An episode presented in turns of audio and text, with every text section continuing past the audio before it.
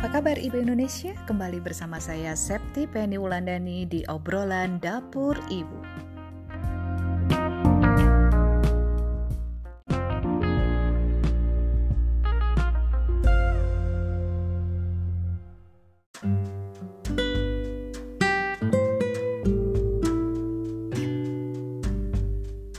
Apa kabar semuanya? Hari baru, semangat baru.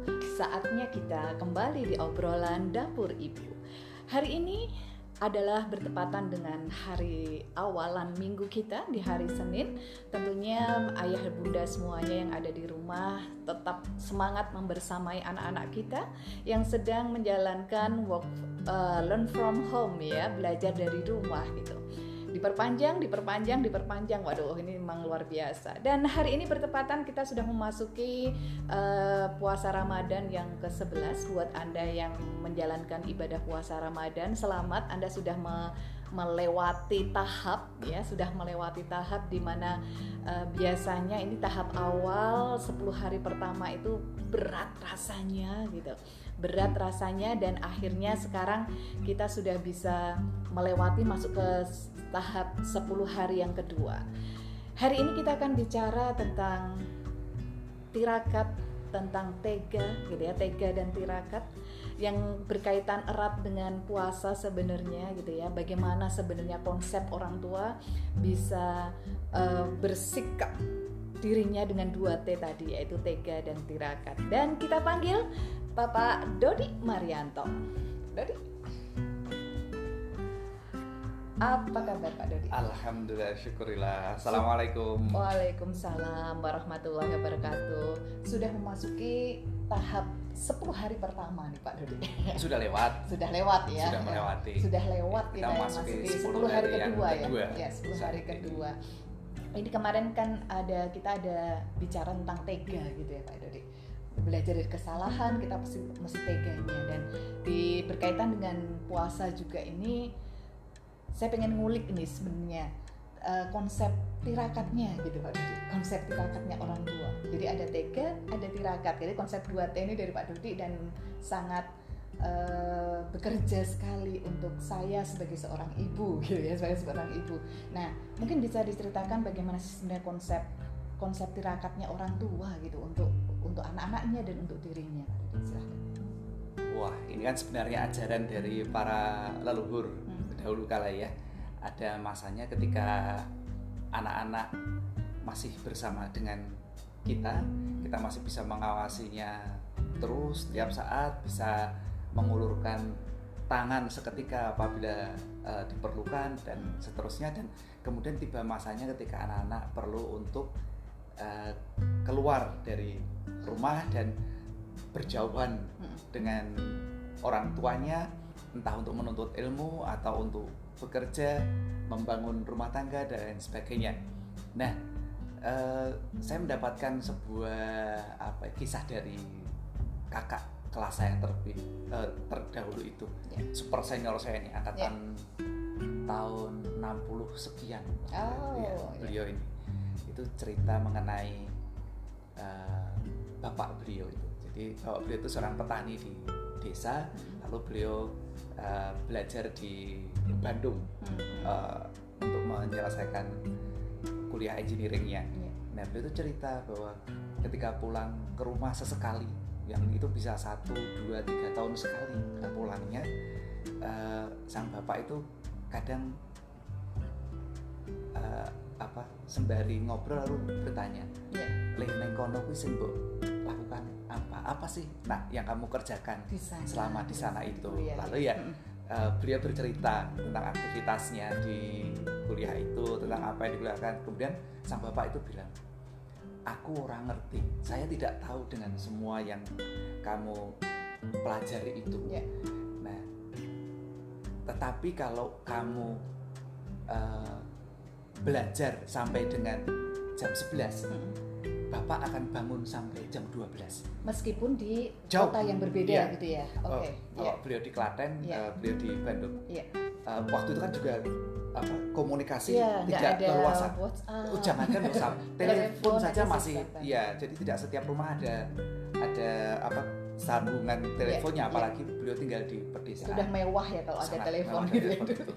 lalu eh, beliau bilang bahwa kalau kamu tidur jam 12 bapak akan tidur jam 1 Hmm. kalau kamu tidur sampai dengan jam 1 bapak maka akan baru tidur jam 2 begitu seterusnya. Nah sehingga beliau mengatakan bahwa eh, bapak tidak bisa membantumu apa-apa lagi saat ini. Bapak hanya bisa membantumu dengan tirakat Hmm. Nah, beliau ini merasakan sekali eh, aura kasih sayang sang bapak itu meskipun berjauh.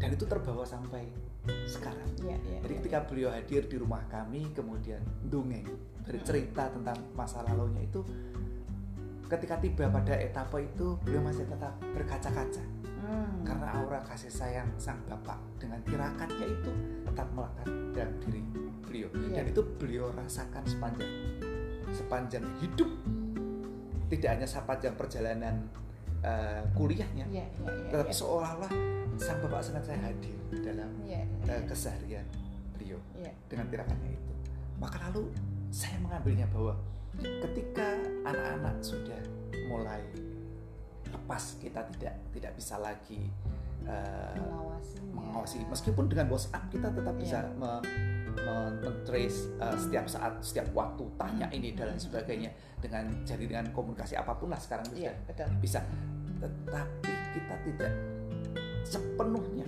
bisa uh, berada di sampingnya dalam setiap keadaan Hmm. maka kita hanya bisa sebagai orang tua Iya. uh, mensupportnya dengan tirakat Hmm. jadi setelah menegakan tega melepas anak kita keluar, maka kemudian kita melambarinya, melapisinya dengan tirakat. Tirakat. Iya, Iya. iya. Nah, bentuk tirakatnya seperti apa? Kalau orang tua kami dulu, orang tua saya dan eyang-eyang saya itu senantiasa memberikan nasihat eh, cegah dahar lawan guling. gitu Wah, apa itu ada cegah dahar Cegah lawan dahar guling? lawan itu guling. Jawa banget ini Iya, wisdomnya ya. Cegah dahar itu artinya berpuasa dari makan. Oke. makan minum seperti kita saat ini ya Iya. puasa makan minum Hmm. lalu lawan eh, cegah dahar lawan, Lawan guling, dan guling Ah, maksudnya eh, apa melek itu? Eh, senantiasa terjaga. Terjaga. tidak tidak cepat-cepat tidur Iya. jadi eh, terutama di eh, tengah kalau orang Jawa itu ma- malam setelah tengah malam Iya, iya. sampai iya, dengan dini hari Iya. nah kalau di dalam Islam adalah di dalam sepertiga Malam. malamnya itu eh, melek Iya. terjaga.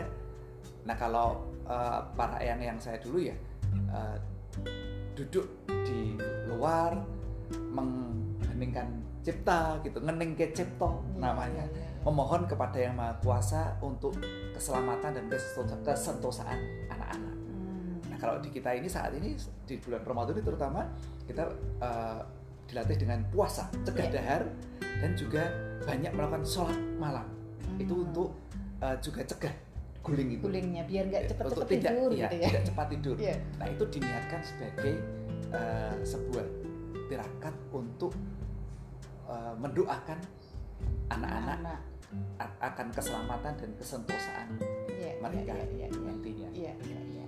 nah, itu bisa kita lakukan setelah ini Betul. kalau di masa kanak-kanak kita selain me- mentirakatinya, mendoakannya setiap saat, itu juga masih bisa membantunya dengan secara fisik. Iya, karena hadir, kelihatan, gitu ya. Kelihatan. Ini cara kita hadir gitu berarti Iya. ya. Nah, nah, setelah kemudian jauh, betul kita hadir dengan tirakat kita. Dengan tirakat. Ya, itu seperti eh, kisah dari kakak kelas saya tersebut yang eh, merasakan senantiasa kehadiran orang tuanya meskipun tempatnya berjauhan dan tidak ada sarana komunikasi. Iya. iya. Pak Dodi, tirakat itu kan selalu ada banyak sekali godaan gitu ya, termasuk puasa ini salah satunya kita yang semua orang sekarang ngalami gitu ya, banyak sekali godaan gitu untuk menjalankan atau untuk memulainya. Nah, bagaimana seharusnya kita punya azam yang kuat gitu kan bahwa oke anakku sudah lepas dari rumah dan aku mulai dengan tirakat ini starting yang perlu dipersiapkan oleh orang tua itu seperti apa? starting betul starting godaan pertama itu justru adalah eh, pertama rasa tidak tega. Jadi ketika kita melepas anak keluar, maka pengennya eh, sering-sering bisa ngumpul. ngumpul. Kalau di- dikirimi makanan. Pengen pengen banget gitu ya. Kalau zaman sekarang itu eh, karena transportasi sudah bagus, pengennya bisa menengok setiap saat. Ya dan karena komunikasi juga sudah sangat bagus, pengennya setiap detik harus ada report. iya Karena eh, teknologi sudah bagus juga, kalau perlu dipasangkan chip di kepalanya sehingga Biar kita bisa tahu gitu ya. melacak setiap saat ke mana Iya, benar, anak kita benar, itu benar, benar. berjalan. Eh, Itu godaan pertama. iya Dan nasihat yang paling bagus yang pernah saya terima adalah nasihat dari eh, pengasuh pondok di mana Enes pernah berada di sana yang karena saya terlalu sering menengok anak saya ini seminggu itu bisa seminggu tujuh hari itu saya tiga hari di rumah empat hari, dari di, di pondok. di pondok Depan- gimana? di gerbang pondok. itu. Sehingga ini proses awal-awal melepas anak sulung aduh, ya, aduh gitu. bener-bener aduh. dan masih usianya Iya. masih itu masih usia lepas SD Eh, ya gitu ya. eh, sehingga kemudian oleh beliau itu dinasihat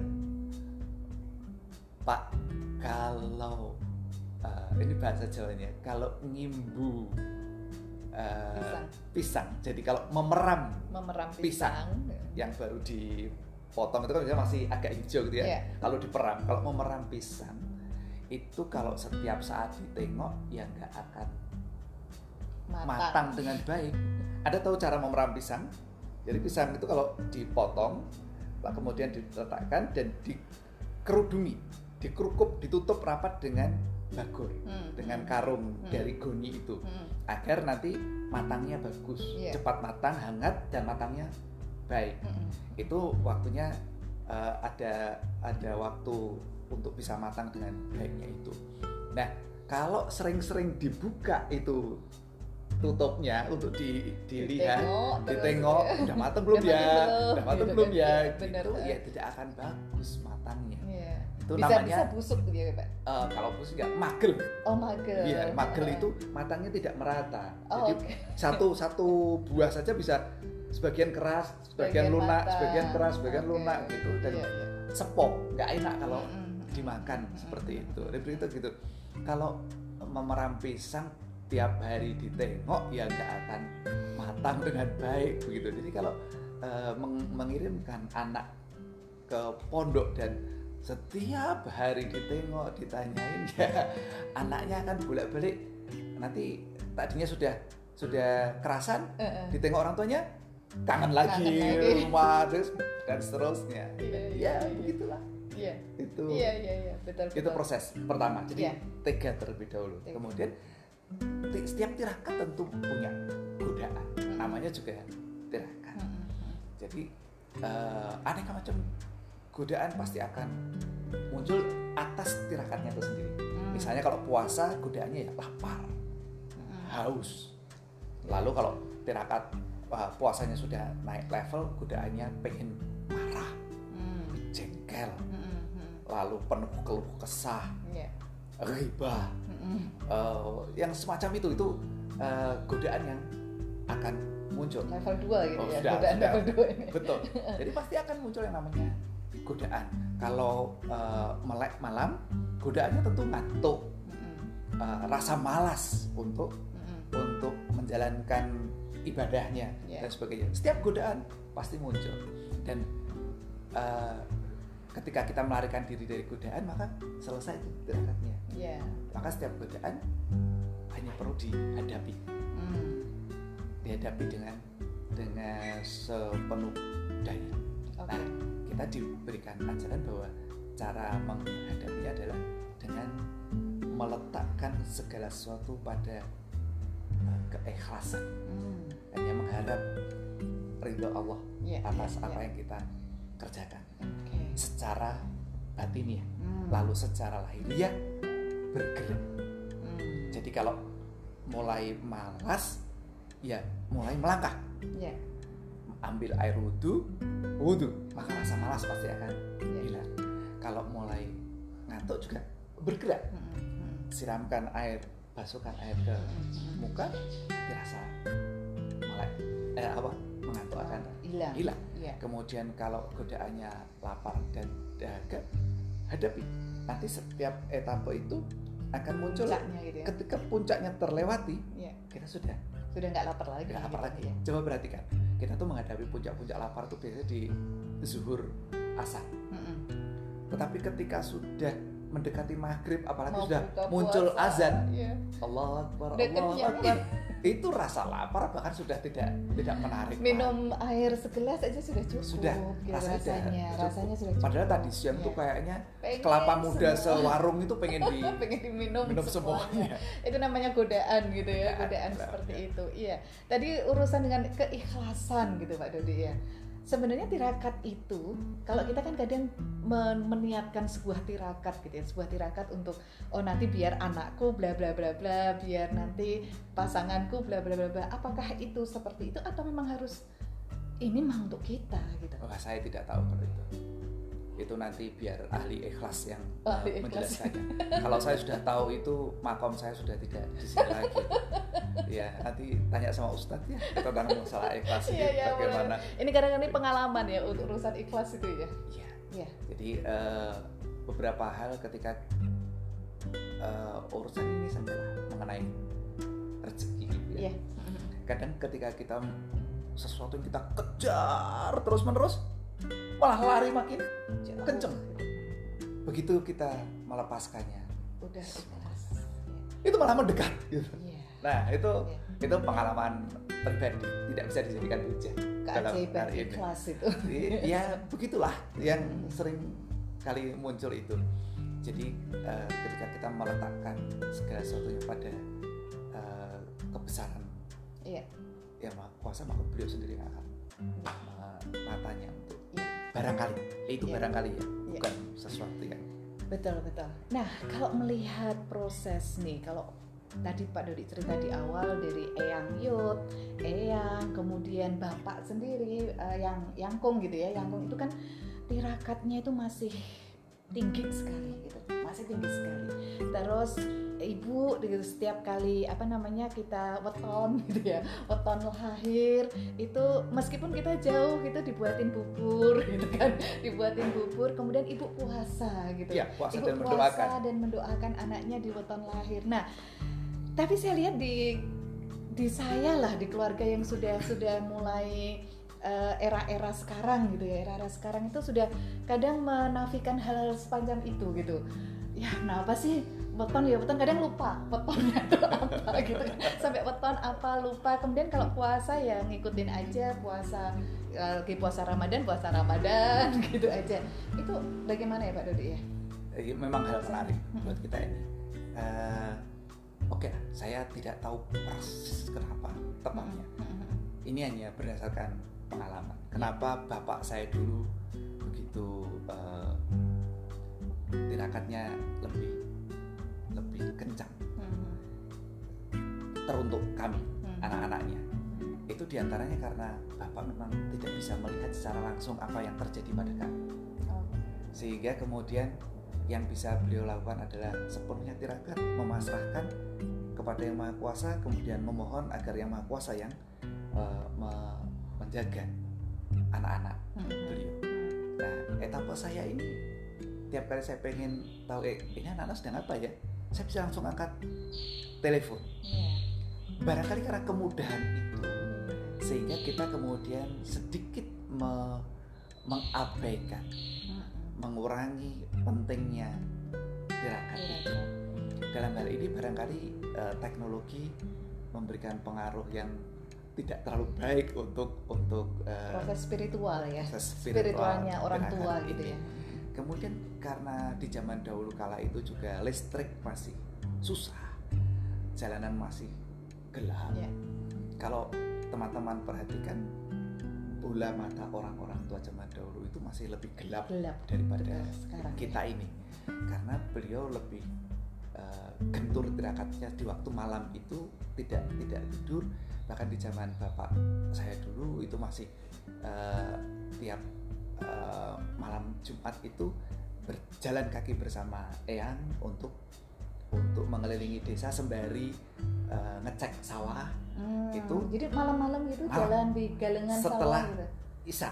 Oh setelah Isya. Setelah Isya Oke. sampai subuh Oh. itu berjalan kaki dan dalam suasana yang gelap. Nah sepanjang Iya. jalan itu saya tanyakan terus apa yang dikerjakan di sepanjang jalan? Yo, eyangmu dongeng gitu. Jadi Oh. eyang saya mendongeng kepada bapak dan dongengnya tentu penuh dengan aneka macam eh, kebijaksanaan yang untuk wisdom eh, dari para eh, sesepuh dahulu kala Iya, untuk iya. nilai-nilainya ditularkan kembali ke anak-anak ya. dan etape itu sudah tidak saya dapati saya sudah tidak diajak bapak untuk jalan Dan kaki jalan- udah nggak ada ke sawah keliling gitu. pertama karena bapak tidak punya sawah Nggak ada sawah. yang kedua di kota kami sudah terang benderang Iya. sehingga eh, menjadi tidak terlalu eh, khusyuk Iya. proses yang semacam Iya, itu iya. itu yang yang barangkali beberapa hal yang perlu kita kita hadapi di era sekarang ini eh, di dalam menjalankan laku tirakat itu Iya, iya. bagaimana bahwa dengan situasi yang sekarang ini kita tidak tidak menurunkan Iya. kadar tirakat itu kita. Iya. Kemudian kalau kita melihat bahwa uh, beliau-beliau itu juga menetapkan ukuran-ukuran yang senantiasa di diukur, dimonitor. Hmm. Jadi misalnya begini nih ya, uh, kalau yang namanya puasa, puasa itu tidak hanya dikerjakan oleh umat Muhammad saat ini, Ya. sebagaimana dalam ayatnya juga disebutkan bahwa umat-umat terdahulu juga sudah menjalankan puasa seperti umat-umat terdahulu, terdahulu gitu ya kan sudah gitu. dengan Iya, puasa iya. termasuk uh, kelompok-kelompok masyarakat yang Ya. yang mana pun itu memiliki uh, jenis puasa dan niat puasanya itu memang sangat menentukan. Hmm. Jadi kalau semacam inilah uh, mereka-mereka yang berpuasa untuk mendapatkan ilmu, Iya. Entah yang dikategorikan ilmu hitam atau ilmu putih, itu juga dengan puasa Hmm. jenis puasa tertentu. Kemudian mereka mengukurnya. Misalnya ini, apakah setelah puasanya selesai uh, bisa memukul batu hingga pecah? Iya, iya. Lalu setelah puasa selesai, apakah jika ditusuk menjadi tidak mempan? Iya. Itu ada ukurannya. Hmm. Nah, puasa di kita itu juga didasarkan pada niat. Oke. Jadi puasa itu memang betul-betul bergantung pada niatnya. Mau dapat kesaktian akan dapat kesaktian. Hmm. mau dapat uh, ilmu yang jenis apa juga akan dapat ilmu itu. Nah, Hmm. di kita diajarkan kita punya niat. Niatnya apa? Di sana disebutkan agar untuk menjadi insan yang bertakwa, la'alakum Hmm. tattaqun, menggapai uh, agar kamu menjadi bertakwa. Takwa. Kita sendiri apakah pernah mengukur yang disebut takwa, itu? Iya. Eh, di dalam uh, Al-Quran dan hadis Allah dan Rasul memberikan beberapa indikator yang bisa kita lacak untuk uh, mengetahui uh, indikator-indikator takwa itu. Iya. Tetapi apakah kita pernah mengukurnya sehingga apakah puasa saya sekarang ini sudah berusia 50 tahun ini masih sama dengan puasa saya ketika saya berusia lima tahun Iya. hanya sekedar menahan Lapar, Lapar dan dahaga. dahaga. Itu ataukah ada peningkatan? Nah peningkatannya diukur dari buah buah yang uh, muncul di dalam takwa itu. Nah, apa kita juga punya ukuran-ukurannya gitu? Jika kita tahu bahwa uh, puasa kita tahun ini, apakah lebih baik dari tahun kemarin? Apakah lebih baik dari tahun kemarinnya dan seterusnya? Dan apakah lebih baik dari saat kita masih SD, SD. pertama kali puasa Iya, itu? girohnya itu beda gitu Atau ya. sama saja? Betul, betul. itu yang yang yang bisa kita kita jadikan eh, apa, penyemangat dan eh, evaluasi atas segala tirakat yang Tirakat. kita jalankan termasuk puasa kita kita Ramadan. Oke, terima kasih untuk teman-teman semuanya. Segmen satu ini sudah berbicara tentang bagaimana itu konsep tirakat dari mulai eyang-eyang zaman dulu sampai sekarang. Dan di segmen 2 nanti kita akan berbicara bagaimana tirakat versi modern kita saat ini. Tetap di dapur obrolan ibu dan kita saksikan yang satu ini.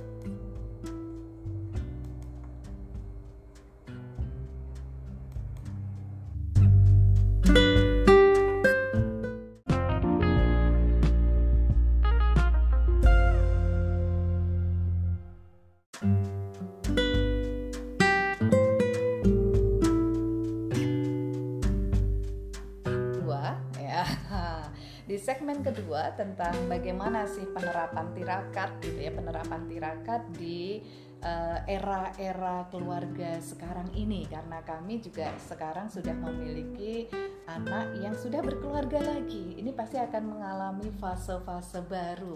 nggak pakai lagi dong sudah berkeluarga Sudah berkeluarga. Oh iya, Iya. lakinya enggak ya? Sudah berkeluarga. ya itu kelebihan kata Emang terlalu banyak kata. jadi kalau udah pakai amat sangat terus sekali Iya, gitu amat sangat sekali. Ah, komplit komplit pokoknya ya. Nah, bagaimana nih proses eh, apa namanya tirakat versi keluarga-keluarga saat ini? Yuk kita simak lagi ya. Pak Dodi, gimana nih prosesnya Pak Dodi? Kalau kita sekarang mulai masa fase bahwa oh pakai HP aja sudah gampang, telepati sudah enggak gitu kan ya. Kemudian keluarga-keluarga sekarang itu kayaknya asik dengan sosial media, kemudian asik dengan apa teknologi-teknologi yang ada saat ini gitu. Nah, bagaimana ini cara kita m- menggairahkan kembali konsep tirakat di para keluarga dan khususnya para ayah ibu sekarang ini? tirakat itu kan bentuk cegah apa eh, me- me- apa men- mencegah dari kebiasaan-kebiasaan yang kita jalani Hmm. biasanya Eh, biasanya makan pagi siang malam lalu kita mencegahnya hanya makan ketika eh, sebelum matahari terbit dan makan lagi ketika matahari sudah terbenam itu kan kita membuat eh, cegah lalu Ya. bangun malam malah yang biasanya kita tidur kita kemudian jaga Ya. jaga dan menjalankan sebuah eh, laku Hmm. sholat malam eh, zikir malam yang semacam itu misalnya itu itu bentuk tirakat di dalam yang biasanya nah di dalam era sekarang oh ya itu semua kemudian hasilnya apa kemudian ada ketajaman rasa Rasa. ini firasat kita bermain dengan sangat baik sekali Mm-mm. jika oh ada ini ya itu rasanya sudah Hmm. ter terbetik lah seperti Iya, itu iya. jadi hati ini punya ketajaman Iya. ketajaman rasa itu. Nah kalau di era-era sekarang ini eh, apa yang bisa kita lakukan dengan hal seperti itu? Eh, mungkin akan banyak hal yang bisa kita jalankan misalnya di antaranya justru eh, berbentuk laku yang yang sejalan dengan saat ini. Misalnya kita menahan diri dari eh, bermain gawai Kawan. eh, gadget kita itu Hmm. eh, di diatur Ya. polanya dengan secara sadar Hmm. terhadap hal itu kemudian memperbanyak jumlah membaca Hmm. Eh, salah satu bentuk tirakat zaman dulu adalah juga membaca Hmm. jadi melantunkan baca Oke. nah kita juga baca yang yang banyak memahami alam sekitar kemudian eh, apa mentadaburi alam ini ya jadi me- bermenung me- apa namanya merenungi merenungi ciptaan pas kita gitu Ya, kalau merenungi kalau- ciptaan kalau Allah Jawa ini. ya. kemudian memikirkannya dengan Ya. teramat sangat dan mengendapkannya di dalam hati. hati Ya. itu adalah bentuk bentuk tirakat Iya. pada anak-anak atau pada, Pada kita, kita, orang tua. kita orang tua Iya. dan Mhm. anak-anak Hmm. kemudian jalan Ah, dan tuntunan agama memberikan banyak hal yang sangat menarik di antaranya banyak-banyak bersedekah Hmm. karena sedekah itu bisa menjauhkan dari bala Ya. dan mendekatkan hal yang baik kepada kita dan keluarga Hmm. semuanya. Jadi eh, mari kita kembali gali apa yang sudah dilatihkan oleh agama, Hmm. kemudian Islam sudah mengajarkan dengan sangat baik mengenai hal itu, kita jalankan dengan sebaik-baiknya dan jangan lupa dimonitor. Nah, Ya, monitoring itu yang kerap kita lupa. Ya. Maka salah satu hal yang disarankan adalah eh, bila kita belajar ada guru yang mendampingi Hmm. karena seorang guru itu akan dapat memonitor perjalanan Iya. Itu yang perlu Itu ya. dipersiapkan ya. Iya. Ya. dan bagaimana menemukan gurunya kaidahnya adalah murid siap guru guru datang datang. jadi yang perlu kita lakukan adalah melatih diri kita Ya. bekerja keras uh, me- menggembleng diri kita Ya. sehingga ketika mendorong agar masanya segera tiba kita siap untuk hadirnya seorang guru. Saya merasakan konsep murid siap guru datang itu memang proses dari tirakat sebenarnya. Jadi murid mu- seorang seorang individu gitu ya, individu itu uh, konsisten terus menerus menjalani laku tirakatnya, kemudian berikutnya akan hadir orang gitu ya, akan hadir orang yang menjadi gurunya. Itu apakah benar persepsi saya Pak Dodi?